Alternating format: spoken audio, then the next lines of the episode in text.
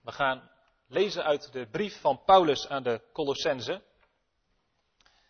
En daarvan een deel uit hoofdstuk 2 en het eerste deel van hoofdstuk 3.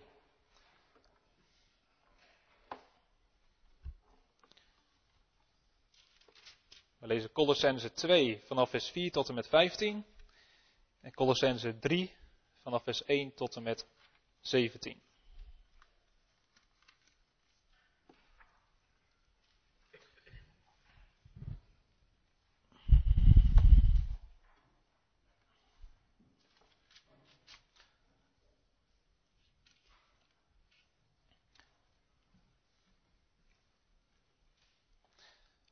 Moet u opletten op uh, de woorden sterven, begraven en opstaan of opgewekt worden.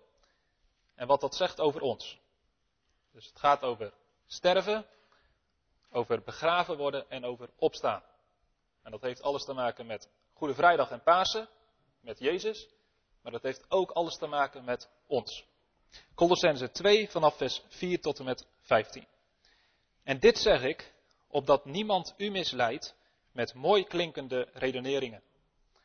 Want al ben ik lichamelijk afwezig, toch ben ik in de geest bij u. Ik zie met blijdschap de goede orde onder u en de vastheid van uw geloof in Christus. Zoals u dan Christus Jezus de Heere hebt aangenomen, wandel in Hem, geworteld en opgebouwd in Hem en bevestigd in het geloof, zoals u onderwezen bent. Wees daarin overvloedig met dankzegging. Pas op dat niemand u als buit meesleept door de filosofie en inhoudsloze verleiding volgens de overlevering van de mensen, volgens de grondbeginselen van de wereld, maar niet volgens Christus. Want in hem woont heel de volheid van de Godheid lichamelijk. En u bent volmaakt geworden in hem, die het hoofd is van iedere overheid en macht. In hem bent u ook besneden met een besnijdenis die niet met handen plaatsvindt door het uittrekken van het lichaam van de zonden van het vlees door de besnijdenis van Christus. U bent immers met hem begraven in de doop, waarin u ook met hem bent opgewekt door het geloof van de werking van God, die hem uit de doden heeft opgewekt. En hij heeft u, toen u dood was in de overtredingen en het onbesneden zijn van uw vlees, samen met hem levend gemaakt, door al uw overtredingen te vergeven en het handschrift dat tegen ons getuigde uit te wissen. Dit handschrift was met zijn bepalingen tegen ons gericht en hij heeft dat uit het midden weggenomen door het aan het kruis te nagelen. Hij heeft de overheden en de machten ontwapend, die openlijk te schande gemaakt en daardoor over hen getriomfeerd. En dan vervolgens hoofdstuk 3 en daarvan lezen we 1 tot en met 17. Als u nu met Christus opgewekt bent, zoek dan de dingen die boven zijn, waar Christus is, die aan de rechterhand van God zit. Bedenk de dingen die boven zijn en niet die op de aarde zijn.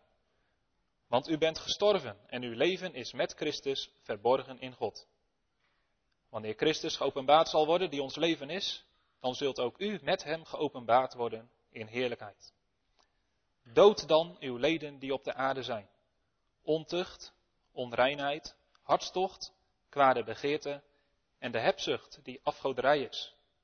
Door deze dingen komt de toren van God over de ongehoorzamen. In deze dingen hebt ook u voorheen gewandeld, toen u in die dingen leefde. Maar nu legt ook u dit alles af, namelijk toren, woede, slechtheid, laster en schandelijke taal uit uw mond. Lieg niet tegen elkaar, aangezien u de oude mens met zijn daden uitgetrokken hebt en u met een nieuwe mens bekleed hebt, die vernieuwd wordt tot kennis, overeenkomstig het beeld van Hem die Hem geschapen heeft. Daarbij is niet Griek en Jood van belang, besnedene en onbesnedene, barbaar en skiet, slaaf en vrije, maar Christus is alles en in allen. Bekleed u dan als uitverkorenen van God, heiligen en geliefden, met innige gevoelens van ontferming, vriendelijkheid, nederigheid, zachtmoedigheid, geduld Verdraag elkaar en vergeef de een de ander als iemand tegen iemand anders een klacht heeft. Zoals ook Christus u vergeven heeft, zo moet ook u doen. En doe boven dit alles de liefde aan, die de band van de volmaaktheid is. En laat de vrede van God heersen in uw harten, waartoe u ook in één lichaam geroepen bent. en wees dankbaar. Laat het woord van Christus in rijke mate in u wonen, in alle wijsheid. Onderwijs elkaar en wijs elkaar terecht met psalmen, lofzangen en geestelijke liederen. Zing voor de Heere met dank in uw hart. En alles wat u doet, met woorden of met daden, doe dat alles in de naam van de Heer Jezus, terwijl u God en de Vader dankt door hem. Tot zover onze schriftlezing. Ik wil beginnen met een verhaal voor uh, de kinderen, die straks naar de kindernevendienst gaan. Dan weten jullie waar de, de preeks over gaat. Want deze woorden in Colossense 2 en 3, die doen mij denken aan een verhaal van een man die ergens in een klein dorp woont. Iedereen in dat dorp kende hem vroeger als Wilde Willem. Dat had een reden, want deze Wilde Willem, die deed alles wat maar mogelijk was. Hij leefde erop los. En hij deed ook alles wat God had verboden. En op een zeker moment, jaren later, fietst een van zijn vroegere kameraden, een van zijn oude vrienden, door het dorp. Hij is daar ook opgegroeid, maar hij is later verhuisd. En hij vraagt zich af, als hij daar door dat dorp fietst, zou wilde Willem nog leven? En zou ik bij hem langs kunnen gaan? Hij denkt, daar kunnen dorpsgenoten mij vast wel bij helpen. En hij ziet een jongen en hij vraagt hem, hey, weet jij waar wilde Willem woont? En die jongen kijkt hem aan. Ik heb nog nooit van wilde Willem gehoord, zegt hij. Wie bedoelt u? Hij zegt, ik ben zijn achternaam vergeten. Maar uh, is een vroegere vriend van mij. En uh, hij moet nu een jaar of zeventig zijn, denk ik. Oh, zegt de jongen. Begint een lampje te branden. Hij zegt, ik ken wel een man die Willem heet van een jaar of zeventig. Maar iedereen in het dorp noemt hem wijze Willem. De man begint te hard te lachen. Wijze Willem ken ik niet. Maar misschien weet hij wel waar wilde Willem woont. Hij belt aan op het aangewezen adres en een gezicht verschijnt in de deuropening. Het lijkt vaag op wilde Willem. Ik ben op zoek naar wilde Willem. De man begint te lachen en hij zegt: Willem, wilde Willem, leeft niet meer. Hij is 30 jaar geleden gestorven. En als hij het verbaasde gezicht ziet, zegt hij: Ik zal het je uitleggen. 30 jaar geleden ben ik in Jezus gaan geloven. En vanaf dat moment is mijn hele leven veranderd. Daarom zei ik: Wilde Willem leeft niet meer. Hij is 30 jaar geleden gestorven. Ik was wilde Willem. Maar dankzij Jezus sta ik nu onder de mensen bekend als wijze Willem. Mijn oude zondige leven is vanaf het moment dat ik mijn leven aan Jezus gaf volledig veranderd. Ik ben gebroken met alle zonden die ik deed. En ik heb nu het verlangen gekregen om tot eer van God en tot zegen van de mensen te leven. Hier gaat Colossense 3 over. Met Christus gestorven en met hem opgewekt. En vanmorgen leggen de nadruk op dat eerste. We zijn met Christus gestorven om de zonde te doden. Vorige week hebben we stil mogen staan en mogen vieren dat Jezus Christus is gestorven aan het kruis voor onze zonde en ook dat Hij is opgestaan. En dan kunnen we de belangrijke vraag stellen, waarom? Waarom moest Jezus aan het kruis sterven en waarom moest Hij opstaan? Nou, twee van die antwoorden hebben we al duidelijk gezien. Het eerste antwoord wat je zou kunnen geven is, Hij moest sterven en opstaan opdat de schriften vervuld zouden worden. Het lijden en sterven en de opstanding van Jezus is precies zo gegaan zoals God het had voorzegd in het Oude Testament. Dat hebben we duidelijk kunnen zien in Jesaja 53. Een tweede mogelijkheid om die vraag te beantwoorden is dat Jezus is gestorven om onze zonden te kunnen vergeven. En dat Hij is opgestaan om ons die vergeving daadwerkelijk te geven. Dat hebben we met name vorige week zondagmorgen ook gezien. Jezaja zegt, hij is gestorven voor onze zonden. Om onze overtredingen is hij verbrijzeld. De straf die ons vrede aanbrengt, was op hem. Dus Jezus Christus is gestorven om ons te kunnen redden, om ons vergeving van zonde te geven. Hij is gestorven voor ons. Hij is opgestaan voor ons. Nou, dat is de kern van het evangelie. En dat is ook het evangelie wat de apostelen overal in heel de wereld verkondigde. En dat evangelie is ook in Colosse gekomen. Colosse, een stad in het huidige Turkije in het westen. Misschien heeft u wel eens gezien waar die eh, brieven van eh, Johannes aan zijn geschreven, openbaring. Die zeven gemeenten in Klein-Azië. Die liggen ergens west van Turkije. Daar lagen ooit negen steden waar christenen woonden. En Colosse was een van die steden die niet in openbaring wordt genoemd, maar die daar wel bij hoorden. En hoe komt dat? Die stad is verwoest door een aardbeving. Halverwege de jaren 60, tijdens het keizerschap van Nero, was een enorme aardbeving in die omgeving, waar drie van de negen steden volledig werden weggevaagd, waaronder Colosse. Nou, toen Paulus deze brief schreef, bestond die stad nog wel. waarschijnlijk is die een paar jaar voor de aardbeving geschreven, rond het jaar 60 tot 62. Paulus zat toen in de gevangenis en hij schrijft aan de Colossense niet omdat hij hen persoonlijk kent. Paulus heeft zelf het evangelie niet in Colosse verkondigd. Er staat in hoofdstuk 1 dat dat gebeurd is door Epaphras. In hoofdstuk 1 vers 6 staat, dit evangelie is naar jullie toegekomen, zoals ook in de hele wereld. En dan vers 7, zoals jullie het hebben geleerd van Epaphras. En Epaphras, dat is prachtig, hij wordt, wordt van hem gezegd, hij is voor u een trouwe dienaar van Christus. Epaphras die was trouw aan de Heer Jezus. En daarmee ook trouw aan de Colossense. Hij heeft het ware evangelie verkondigd. Hij heeft hen verteld dat er vergeving mogelijk is door het bloed van Jezus Christus. En dit evangelie heeft de harten van de Colossense geraakt. Ze zijn erdoor tot bekering gekomen. Ze hebben het geloofd en aangenomen. En dat heeft Paulus gehoord. Hij zegt in vers 3 van hoofdstuk 1: Wij danken de God en Vader van onze Heer Jezus Christus altijd wanneer wij voor u bidden. Omdat wij gehoord hebben van uw geloof in Jezus Christus en van de liefde die u hebt voor alle heiligen. Dat is een mooie beschrijving, wat gelijk duidelijk maakt wat het betekent om een echte gelovige te zijn. Wat het betekent om een christen te zijn. Dat betekent één, dat je gelooft in de Heer Jezus. En twee, dat je liefde hebt tot iedereen die ook gelooft in Jezus. En Paulus heeft het gehoord dat de Colossensen dat hebben. Ze hebben een vertrouwen gesteld op Jezus Christus en ze hebben de liefde tot andere gelovigen. Hij schrijft deze brief omdat hij blij en dankbaar is. Maar ook omdat hij zich zorgen maakt. De Colossensen lopen een groot gevaar. En dat gevaar dat is vandaag nog super actueel. De dingen die hier in Colossense worden beschreven, waar we vooruit moeten kijken, dat is precies waar wij vandaag de dag als kerk ook vooruit moeten kijken. En dat gevaar, dat wordt beschreven in hoofdstuk 2. Daarom heb ik dat gedeelte ook laten lezen. Hij begint in vers 4, en dit zeg ik, opdat niemand u misleidt met mooi klinkende redeneringen. Kijk uit voor mensen die mooi kunnen praten, maar je aftrekken van het geloof in de Heer Jezus. Vers 8 van hoofdstuk 2 is een hele duidelijke waarschuwing.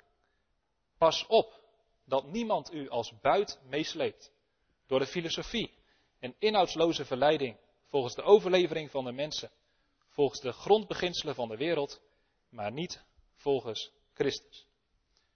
Wat bedoelt hij hiermee? Nou, de Colossensen hadden te maken met twee soorten gevaren. En dat zijn precies gevaren waar wij vandaag ook vooruit moeten kijken. Het ene gevaar is dat men het geloof ziet als een zoektocht naar mysterieuze, spirituele, bovennatuurlijke ervaringen. Colossensen werden verleid om op zoek te gaan naar geheime kennis. Waar je alleen kon komen via een spirituele, bovennatuurlijke weg. Nou, er zijn vandaag de dag ook mensen die dat zeggen. Als christenen moet je je laten leiden door de geest en dan moet je proberen bovennatuurlijke ervaringen te krijgen. Maar Paulus zegt, pas op dat niemand u verleidt. Paulus maakt de Colossense en ons duidelijk dat wij vast moeten houden aan het evangelie wat ons verkondigd is. En dat we nooit moeten vergeten dat als we in Christus Jezus geloven, we alles in Hem hebben wat we nodig hebben. Als je Christus Jezus hebt, heb je alles en heb je niks meer nodig. Ik zag van de week ergens in een boek de tekst, er staat nergens in de Bijbel dat wij moeten zoeken naar bijzondere ervaringen. Staat nergens. We moeten zoeken naar Jezus. Zoek Jezus Christus. En in Hem kun je alles vinden wat je nodig hebt. Het tweede gevaar waar de Colossensen mee te maken hebben, is dat van het wetticisme. De gelovigen werden waarschijnlijk door mensen met een Joodse achtergrond veroordeeld omdat zij zich niet hielden aan de ceremoniële wetten. Ik had de gezanten weten wat dat zijn. Ceremoniële wetten, dat zijn die wetten uit het Oude Testament die volgens het Nieuwe Testament vervuld zijn in Jezus Christus. De besnijdenis, de offerwetten, de spijswetten. En er kwamen mensen naar de Colossense en die zeiden, jullie moeten je ook daaraan houden. Jullie moeten leven volgens de Torah. Alle wetten die Mozes heeft gegeven, moeten jullie ook naleven. En als je dat niet doet, dan kun je niet werkelijk christen zijn. En misschien waren daar nog heel veel wetten bijgekomen. De fariseeën die waren geniaal. Die hadden talloze wetjes en regeltjes bedacht om tot in de puntjes de wetten van Mozes na te kunnen leven. En dat was hun godsdienst. Paulus zegt, kijk daar vooruit. Dat thema komt met name in vers 16 en 17 naar voren van hoofdstuk 2. Laat dus niemand u veroordelen in zaken eten of drinken, of op het punt van een feestdag, een nieuwe maan of de sabbatten. Want deze zaken zijn een schaduw van de toekomstige dingen. Maar het lichaam is van Christus. Vers 22 maakt ook duidelijk waar hij het over heeft. Dit zijn allemaal dingen die door het gebruik vergaan. Ze zijn ingevoerd volgens de geboden en leringen van mensen. Het christelijk geloof is geen zoektocht naar bijzondere ervaringen. En het is ook niet bezig zijn met het bedenken van talloze wetjes en regeltjes om die na te leven. Het zijn twee gevaren waar je vooruit moet kijken als je ernaar verlangt om voor God te leven. Waar de Colossensen mee te maken hadden en ook wij. En dan is de vraag, hoe kunnen wij aan die gevaren ontkomen? Wat betekent het om wel gelovig te zijn? Waar moet je dan wel naar zoeken? Waar moet je je dan wel mee bezighouden? Ten eerste, leef uit het evangelie. Besef, weet zeker dat je iemand bent, als je in Christus gelooft, van wie de zonden vergeven zijn. Dat je het eeuwige leven hebt ontvangen. Dat je vrede met God hebt. Sterker nog, Paulus zegt, je bent in Christus Jezus volmaakt. Meer is niet nodig. Als je in Jezus bent, ben je in Hem volmaakt. Dan heb je alles. En dan, als je dit weet, wat betekent dat dan voor het praktische leven? Het christelijk geloof gaat niet alleen om dingen weten, om dingen geloven. Het gaat uiteindelijk ook om dat die op een bepaalde manier in ons leven doorwerken. Dat het verschil maakt in de manier waarop wij door het leven gaan. En nu komt het derde antwoord op de vraag. En daar gaat het vanmorgen met name. Waarom is Jezus gestorven en waarom is Jezus opgewekt? Dat heeft hij niet alleen voor ons gedaan. Hij is voor ons gestorven. Hij is voor ons opgewekt. Nee, we moeten ook ontdekken dat wij met hem zijn gestorven. En dat wij met hem zijn opgewekt. Waarom is Jezus Christus gestorven en opgestaan? Opdat iedereen door in hem te geloven met hem zou sterven en opstaan. En dit staat precies zo in vers 12 en 13 van hoofdstuk 2. Tegen elke gelovige, als u in Jezus gelooft, kan dit tegen u gezegd worden. U bent immers met Jezus begraven in de doop, waarin u ook met hem bent opgewekt, door het geloof van de werking van God die hem uit de dood heeft opgewekt. En hij heeft u, toen u dood was in de overtredingen en het onbesneden zijn van uw vlees, samen met hem levend gemaakt, door al uw overtredingen te vergeven. Van elke gelovige kan dit gezegd worden. Hij of zij is met Christus gestorven. En hij of zij is met Christus opgewekt. Nou, en als we dan in hoofdstuk 3 komen, dan wordt dit als uitgangspunt genomen. Als u nu met Christus opgewekt bent. En dat als, van hoofdstuk 3 vers 1, dat is niet misschien. Dit is gewoon een zekerheid. Omdat u met Christus opgewekt bent. Aangezien u met Christus opgewekt bent. En vers 3. Want u bent gestorven. Elke gelovige mag dit van zichzelf zeggen. En met zekerheid weten. Ik ben met Christus gestorven. En ik ben met Christus opgewekt. Toen ik in Jezus ging geloven. Op dat moment stierf ik. Werd ik begraven. En op dat moment werd ik ook weer opgewekt. Klinkt misschien een beetje abstract, theoretisch. Maar dit is super praktisch. Dit heeft hele grote consequenties voor elke dag van het leven. Want dat we met Christus gestorven zijn, dat betekent namelijk dat we vanaf dat moment dood zijn voor de zonde. Door de kracht van het kruis van Jezus Christus wordt onze oude mens, onze zondige natuur, wordt gedood. Als we werkelijk in Jezus geloven, dan werkt er een goddelijke kracht in ons leven.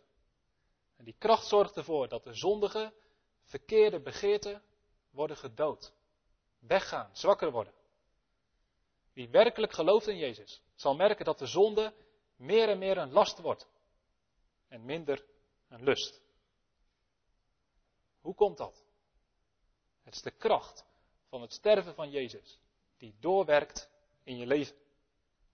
En dat we met Christus opgewekt zijn, dat betekent dat we gaan leven, dat we gaan bloeien, dat we gaan groeien. Door de kracht van de opstanding van Jezus Christus werkt er een kracht in ons leven die ervoor zorgt dat we gaan verlangen naar het goede. Dat we het verlangen krijgen om God te gehoorzamen.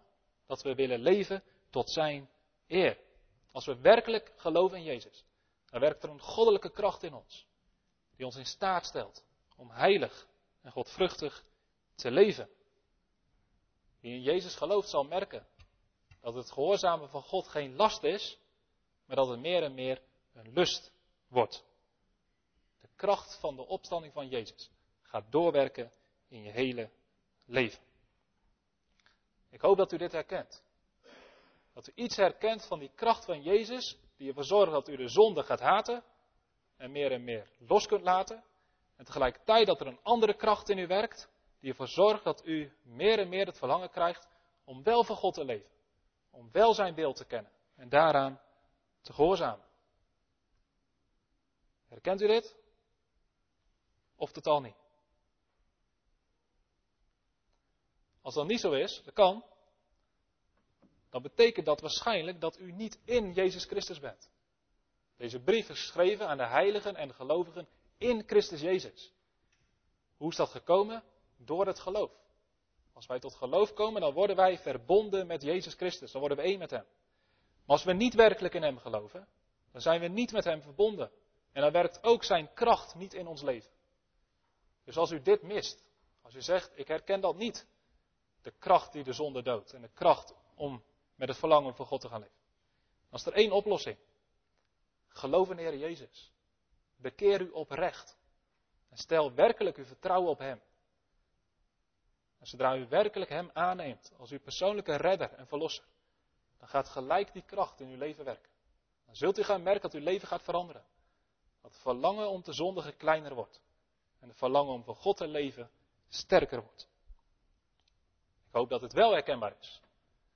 Dan bent u werkelijk met Hem verbonden. Hij woont in uw hart. En Hij zorgt ervoor dat u voor God wil leven. En dat is een proces. Het is niet zo dat een gelovige nooit meer zondigt. Of alleen maar goede verlangens heeft. Nee, het is een proces waarin de kracht van Jezus sterven en de kracht van zijn opstanding steeds sterker wordt en steeds meer doorwerkt. Een proces waar de macht van de zonde steeds zwakker wordt.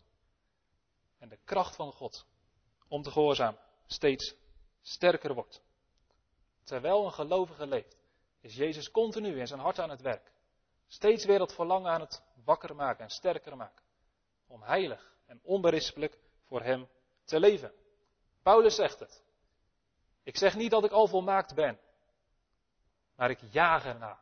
Ik heb één verlangen om wel volmaakt te worden. En daardoor, daarvoor, daartoe ben ik ook door Jezus Christus gegrepen, gered.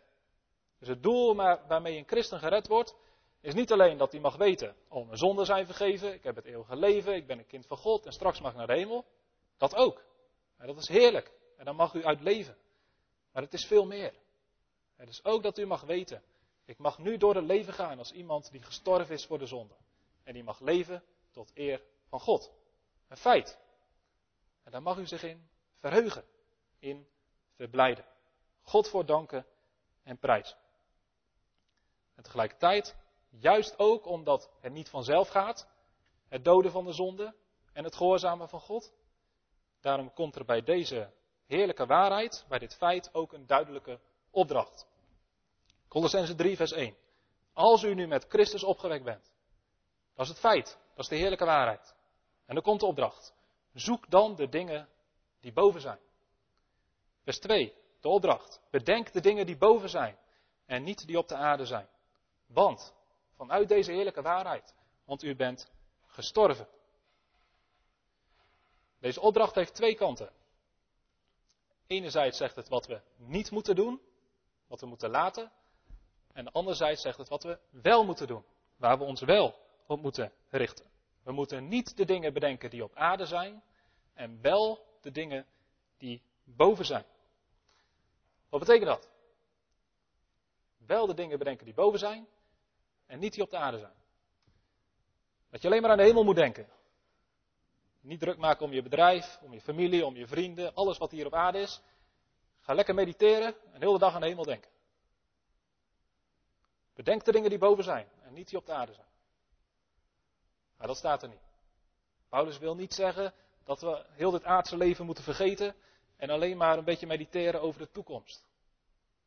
Nee, wat Paulus hier bedoelt met de dingen die op aarde zijn en de dingen die boven zijn, dat legt hij uit in de rest van dit hoofdstuk. In vers 5 tot en met 9 legt hij uit wat die dingen zijn die op de aarde zijn. En in de rest van de versen, nou ik loop dan nog door tot en met hoofdstuk 4, legt hij uit wat de dingen zijn die boven zijn. En vanmorgen wil ik me beperken tot de, die dingen die op aarde zijn, waar we niet aan moeten denken, waar we dingen die we moeten laten. En dan een volgende keer gaan we naar de rest van het hoofdstuk kijken, wat het dan betekent dat we de dingen moeten zoeken die boven zijn. Wat we wel moeten doen, waar we wel naar moeten zoeken. Dus we gaan nu naar vers 5 tot en met 9. En daar staan dus de dingen die we op aarde moeten loslaten. Dood dan uw leden die op aarde zijn. Ontucht, onreinheid, hartstocht, kwade begeerte en de hebzucht die afgoderij is. Dood dan uw leden die op aarde zijn. U bent gestorven met Christus. Eigenlijk bent u al dood. En daarom komt de opdracht, dood dan uw leden die op aarde zijn. En wat zijn die leden op aarde? Nou, dat zijn al die woorden die hij noemt. Ontucht, onreinheid, hartstocht, kwade begeerte en de hebzucht. Zijn dat positieve woorden? Onreinheid, ontucht, hebzucht? Dat zijn geen positieve woorden. Volgens vers 6 zijn het woorden waar de toren van God overkomt. Door deze dingen komt de toren van God over de ongehoorzamen. Al deze dingen die Paulus noemt zijn zonden. En het zijn zonden die God zo serieus neemt. Dat mensen die daarin leven, dat mensen die zich daar niet van willen bekeren, dat die uiteindelijk geoordeeld zullen worden. De toren van God zal over hen komen. En dat is de reden dat Paulus zegt, deze dingen moet je doden. Deze dingen moet je afleggen. En dan moet je natuurlijk weten wat deze woorden betekenen. Als je niet weet wat hij met deze woorden bedoelt, dan kun je ze ook niet doden. Dan kun je er ook geen afstand van nemen. Wat betekenen deze woorden? De eerste drie woorden, ontucht, onreinheid en hartstocht, hebben allemaal te maken met seksuele zonde. En seksualiteit is in de Bijbel iets prachtigs. God heeft het gemaakt. God heeft het bedacht. Maar het is ook iets verschrikkelijks. Heel veel zonde. Heel veel dingen gaan er mis. Juist op dit gebied. Het eerste woord, ontucht, daar staat in het Grieks het woord porneia. En het woord porneia, dat doet ons denken in het Nederlands aan het woord porno. Dat is daarvan afgeleid. Wat betekent het Griekse woord? Dit gaat om alle seksuele handelingen die God heeft verboden. Nou, dat is een hele lijst te noemen, wat allemaal niet mag, maar het is nog makkelijk om te zeggen wat het wel zou moeten zijn. De enige legitieme, goede vorm van seksualiteit in de Bijbel is de gemeenschap tussen man en vrouw die getrouwd zijn. De seksualiteit binnen het huwelijk. En al het andere is ontucht. Is iets wat God verboden heeft. Alles wat buiten de seksualiteit van een getrouwde man en vrouw staat, is in de ogen van God ontucht. Het is iets wat we moeten doden. Het tweede woord, onreinheid, is eigenlijk een synoniem. Daar kun je precies hetzelfde over zeggen. Alleen dit woord maakt meer duidelijk wat de gevolgen zijn daarvan. Als wij toegeven aan onwettige seksualiteit, dan worden we daarmee onrein. Het zijn onreinheden. Het zijn dingen die ons geestelijk onrein maken. Die ervoor zorgen dat we afstand krijgen van God. God is heilig. Hij is volkomen rein. Hij kan geen gemeenschap hebben met onheiligheid en onreinheid. Dus als wij leven in seksuele zonde, dan zal dat altijd leiden tot een scheiding in, met God. Dan zal het altijd leiden tot een crisis in ons geloof. Seksuele zonden breken ons geestelijk leven af. En het volgende woord, hartstocht, dat gaat niet zozeer over de daden, maar dat gaat meer over het hart. God verbiedt niet alleen ongeoorloofde seksuele handelingen, maar ook gedachten, begeerten. Hartstocht zijn de seksuele verlangens. De verlangens die in ons hart leven, die ons denken beïnvloeden. En wij moeten als christenen, als gelovigen, moeten we niet alleen zuiver zijn in ons handelen, maar moeten ook rein zijn in ons hart. Alle zondige gedachten, alle verkeerde begeerten moeten wij doden. Het vierde woord, kwade begeerte, dat heeft ook te maken met het hart. Ook met de verlangens. Alleen dit gaat niet alleen over verkeerde seksuele verlangens, maar over alle mogelijke zondige verlangens. Alle verkeerde begeerten. En er staat hier een woord wat heel sterk is. Het gaat hier om zeer sterke verlangens naar de zonde. En dan wordt misschien wel als laatste woord de hebzucht een voorbeeld genoemd van zo'n zondig sterk verlangen. Hebzucht. Het verlangen om dingen te hebben. Geld. Bezit. En er staat hier dat dat afgoderij is. Hebzucht die afgoderij is. Betekent dat? Ons verlangen naar geld, naar bezit, naar rijkdom kan zo sterk zijn. Dat het ons hele leven gaat bepalen.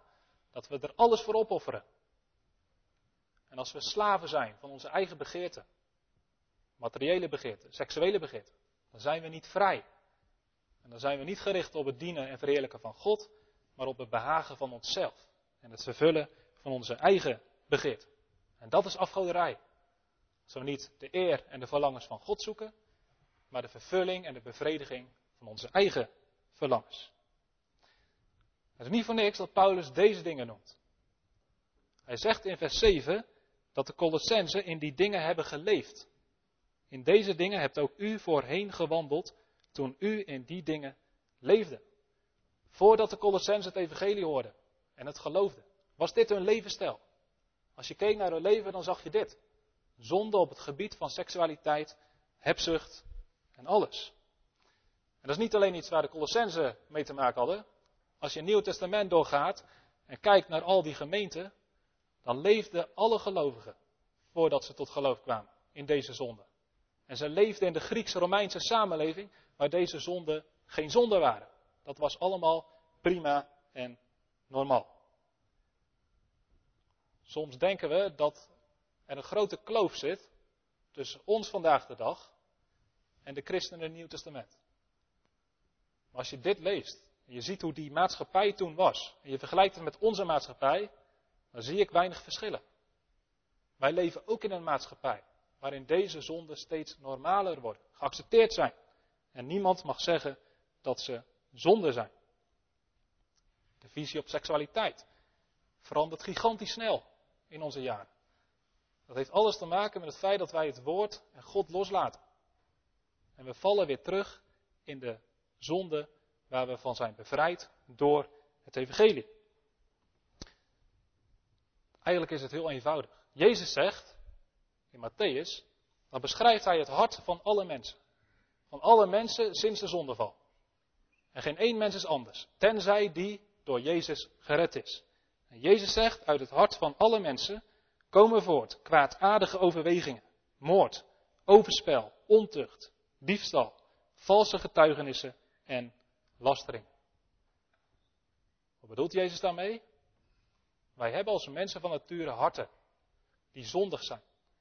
En het is een vruchtbare voedingsbodem, een vruchtbare grond voor al deze zonden.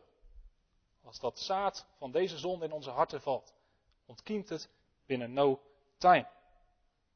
En zolang wij dus als mensen onder de macht van de zonde zijn, niet in God geloven of Hem niet serieus nemen, dan willen we niks anders dan toegeven aan deze zonde. vervullen wat deze begeerten in ons wakker maken. Het enige wat dit tegen kan houden, is een nieuw hart wat Jezus kan geven. Of een ontzag voor God en zijn woord. En wat je dus in ons land ziet, in onze maatschappij, op het moment dat de Bijbel dichtgaat en we God niet meer serieus nemen, dan kunnen al die vormen in ons hart, al die zonden, kunnen bloeien en groeien wat ze willen. Onze maatschappij wordt gekenmerkt door deze woorden, waar ook de maatschappij van de gelovigen in het Nieuw Testament door gekenmerkt werd. Zijn zonden die kenmerkend zijn voor een cultuur zonder evangelie. Een maatschappij zonder God. Een persoon zonder geloof in Jezus Christus. En de enige die ons hiervan kan verlossen. De enige die ons de kracht kan geven om met deze zonde te breken. De enige die ons een hart kan geven waar deze zonden niet meer een vruchtbare bodem vinden. Dat is Jezus Christus. Door het geloof in Hem sterven we aan deze zonde. Dat betekent niet dat een gelovige helemaal niet meer vatbaar is voor deze zonde. Dat een gelovige niet meer verleid kan worden tot zulke zonden. De zonde zal proberen elke keer weer aan de macht te komen. Elke keer weer grip te krijgen in ons hoofd, in ons denken en in ons hart. En daarom de opdracht. Dood dan. Dat is niet stuurvriendelijk weg. Of ga ermee praten. Dood dan. Een radicaler, sterker woord kon Paulus niet gebruiken. Wat moet onze houding zijn ten opzichte van zulke zonden? Dood ze. Niet onderhandelen, doden. Breek er radicaal mee. Want als jij deze zonde niet doodt, dan zullen ze jou doden. Als deze zonde plek krijgen in je leven, dan verlies je het eeuwige leven. Hij zegt het in Romeinen 8. Als je naar het vlees leeft, dat betekent als je deze zonde ruimte geeft in je leven, dan zul je sterven. Dat is eeuwig verloren gaan. Maar als je door de geest, door de kracht van Jezus Christus, deze zonde doodt, dan zul je leven. Ziet u hoe belangrijk het is? Dat we geloven dat Jezus is gestorven en opgewekt. Als je dat werkelijk gelooft, en je bent in Christus Jezus, dan ben je met Hem gestorven. En door dat te geloven krijg je de kracht om deze zonden ook werkelijk te laten. Nog kort naar vers 8 en 9. Daar komt een tweede groepje van zonden. In vers 5 staan bepaalde woorden die we moeten laten. In vers 8 en 9 voegt hij daar dingen aan toe. De laatste dingen die hij noemt, die wij moeten laten. De dingen van de aarde, waar wij niet aan moeten denken. Hij zegt hier, maar nu legt ook u dit alles af, namelijk toorn, woede, slechtheid, laster en schandelijke taal uit uw mond. Lieg niet tegen elkaar, aangezien u de oude mens met zijn daden uitgetrokken hebt. Hij verandert hier het beeld iets. Eerst had hij het over doden, sterven. Nu gebruikt hij het beeld van het uittrekken en aandoen van kleren. En hij zegt, als je een gelovige bent, dan zijn er bepaalde dingen die je niet kunt doen. Die passen niet bij je. Dat is geen gepaste kleding. En die kledingstukken die moet je afdoen. Er zijn andere nieuwe kleren die je beter passen. En wat zijn dat, die kleren die we uit moeten doen? Welke zonde noemt hij dan? Opnieuw noemt hij twee groepjes woorden. De eerste drie woorden zijn een groepje. Toorn, woede en slechtheid. En dan de volgende drie woorden ook. Laster, schandelijke taal en niet liegen. Die eerste drie woorden, toorn, woede en slechtheid. Toorn, dat is een gevoel. En niet zomaar een gevoel, het is een bitter gevoel van vijandschap, wat diep in je hart zit. Dus een gelovige mag in zijn hart geen vijandschap voelen. Naar wie dan ook. Geen bitter gevoel. En dat bitter gevoel, als je dat hebt naar iemand, dat kan eruit komen. Op twee manieren. Het kan eruit komen door woede. Dan moet je denken aan woedeuitbarstingen, driftbuien. Dat is niet gepast bij een gelovige. En slechtheid. Dat je niet het goede zoekt voor iemand, maar het slechte. Dit past niet bij een gelovige. Dat zijn we denk ik over eens. Het past niet bij een gelovige om iemand te haten.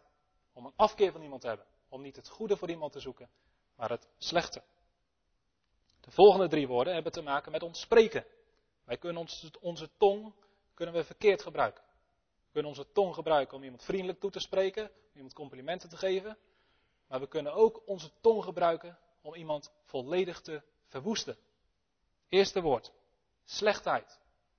Of laster. Laster. Dan moeten we denken, roddelen. Negatief spreken over iemand. Iemand iemands imago verwoesten door wat wij over die persoon zeggen. Dat is niet gepast in het leven van de gelovigen. We kunnen onze mond gebruiken om schandelijke taal uit te spreken. Wat is schandelijke taal? Grof taalgebruik. Schunnige taal. Taal die niet past bij een fatsoenlijk mens. Wat niet past bij een gelovige. En ten derde noemt hij de leugen.